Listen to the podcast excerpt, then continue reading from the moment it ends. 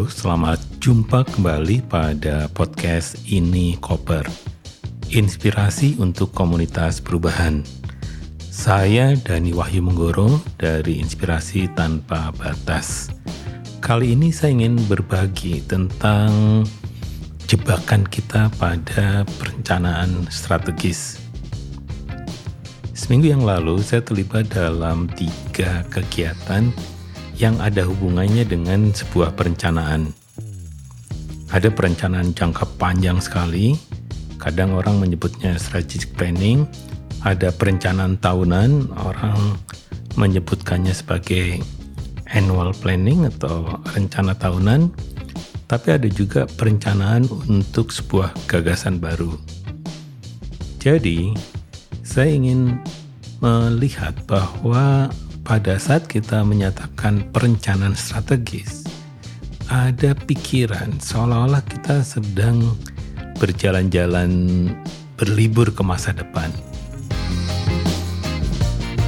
Refleksi semacam ini tidaklah salah karena ada beberapa organisasi yang usianya sudah puluhan tahun menilai bahwa strategic planning itu adalah kegiatan rutin bisa jadi setiap tiga tahun, ada yang lima tahun, bahkan ada yang tujuh tahun. Dan akhir-akhir ini beberapa lembaga besar itu memanjangkan waktu imajinasinya menjadi 10 tahun. Yang menjadi tantangan sebenarnya adalah pada saat kita memanjangkan sebuah perencanaan strategis untuk mencapai strategik atau final outcome-nya, maka pada saat itu yang tidak sering dibicarakan adalah bagaimana kita memanfaatkan imajinasi untuk bisa melihat 5, 7, atau 10 tahun yang akan datang. Perencanaan jangka panjang itu amat berbeda dengan perencanaan jangka pendek. Karena itu saya ingin merefleksikan atas tiga kegiatan yang bisa menjadi pembelajaran kita mengapa kita sebenarnya terjebak pada strategic planning atau perencanaan strategis. Yang pertama sebenarnya adalah perencanaan strategis itu dibuat karena melihat lingkungan eksternal kita telah berubah. Baik yang sesuai dengan tren di masa lalu, ada situasi hari ini dan juga prediksi-prediksi masa depan. Yang perlu kita ketahui bahwa sebenarnya kita tidak bisa tahu tentang masa depan, siapa pun. Karena itu, scanning landscape saat ini itu hanya alat bantu untuk kita bisa melihat atau membentuk masa depan. Yang menarik sebenarnya adalah boleh jadi kalau situasinya masih bisa dikontrol semuanya, maka perencanaan strategis menjadi lebih mudah.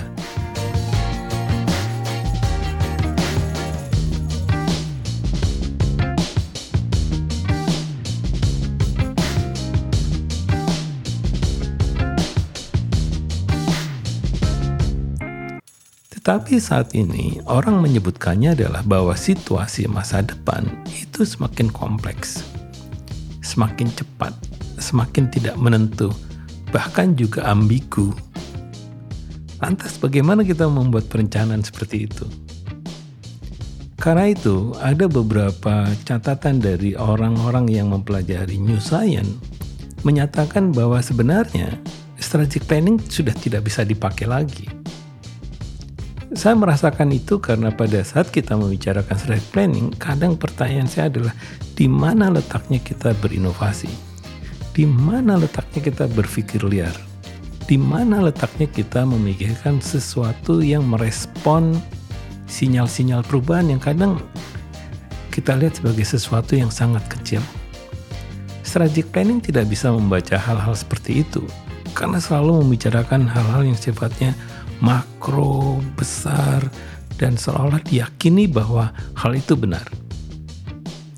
Karena itulah pada pertemuan-pertemuan yang saya alami kemarin, saya kehilangan bagaimana kita bisa ya membantu para peserta untuk berpikir out of the box atau bahkan berpikir pada new the box.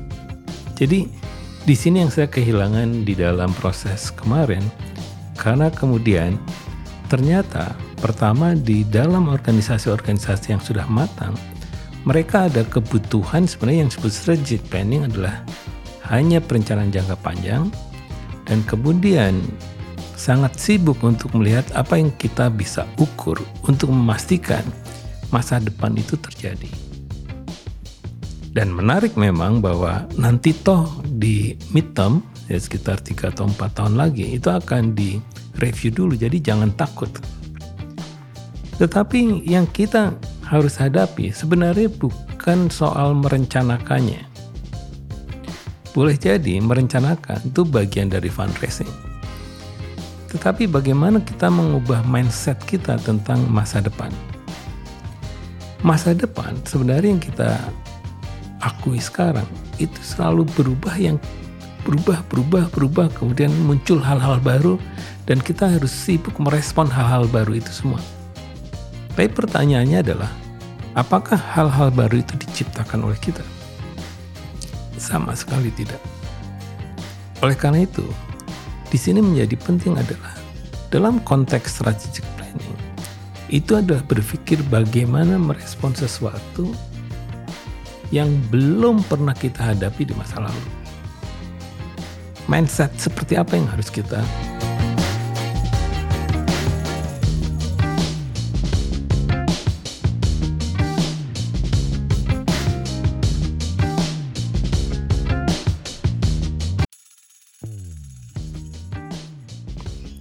miliki. Nah, di sisi lain, di dalam perjalanan-perjalanan jangka pendek, itu juga semua kadang bingung karena semua hal yang direncanakan itu semacam rutinitas belaka. Karena itu menarik di dalam kelas yang kedua yang saya hadiri, itu kemudian perlu diinjeksi dengan semacam cara berpikir yang basisnya adalah aset. Untuk apa? Saya ingin menyampaikan bahwa untuk mencapai sesuatu yang belum pernah kita hasilkan atau kita wujudkan, yang paling penting itu adalah antusiasme. Antusiasme untuk menciptakan hal itu. Antusiasme untuk terlibat di dalam proses-proses untuk membentuk masa depan yang kita bayangkan bersama.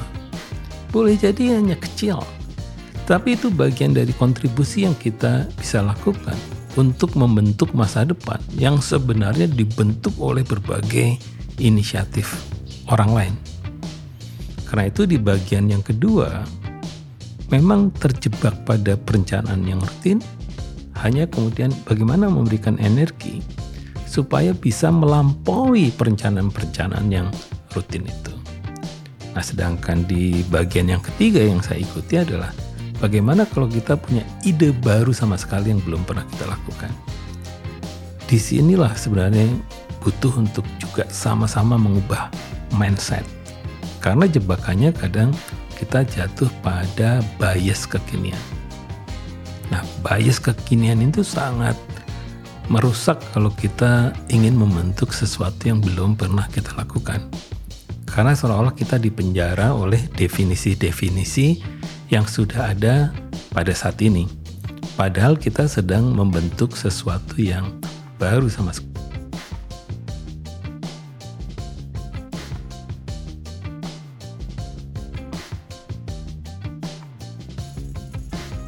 sekali.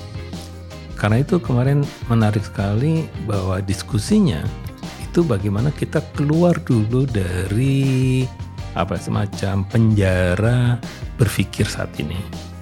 Nah dengan kita keluar kita bisa membebaskan apa-apa yang dianggap lazim itu kita bisa lepas untuk menciptakan sesuatu yang baru sama sekali.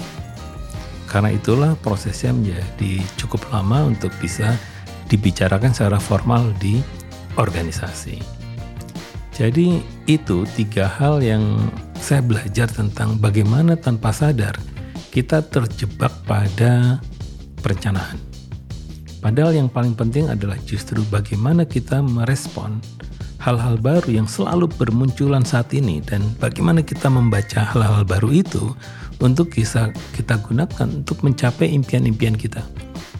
Karena tanpa mengubah mindset, maka kita sebenarnya adalah selalu yakin sesuatu yang kita yakini misalnya adalah bahwa kalau kita bisa memperbaiki hal ini pasti tujuan akan terwujud atau kalau kita bisa berkolaborasi dengan baik pasti tujuan ini bisa terwujud atau kalau kita bisa memperlebar jaringan kita, maka tujuan ini bisa terbentuk. Tidak selalu begitu untuk merespon kebaruan-kebaruan yang muncul saat ini. Karena itu, saya hanya ingin berpesan pada komunitas perubahan bahwa kita harus membuka mindset seluas-luasnya untuk menerima kecakapan-kecakapan baru yang sama sekali tidak ada di masa lalu. Demikianlah isi ini koper kali ini. Sampai jumpa pada edisi berikutnya.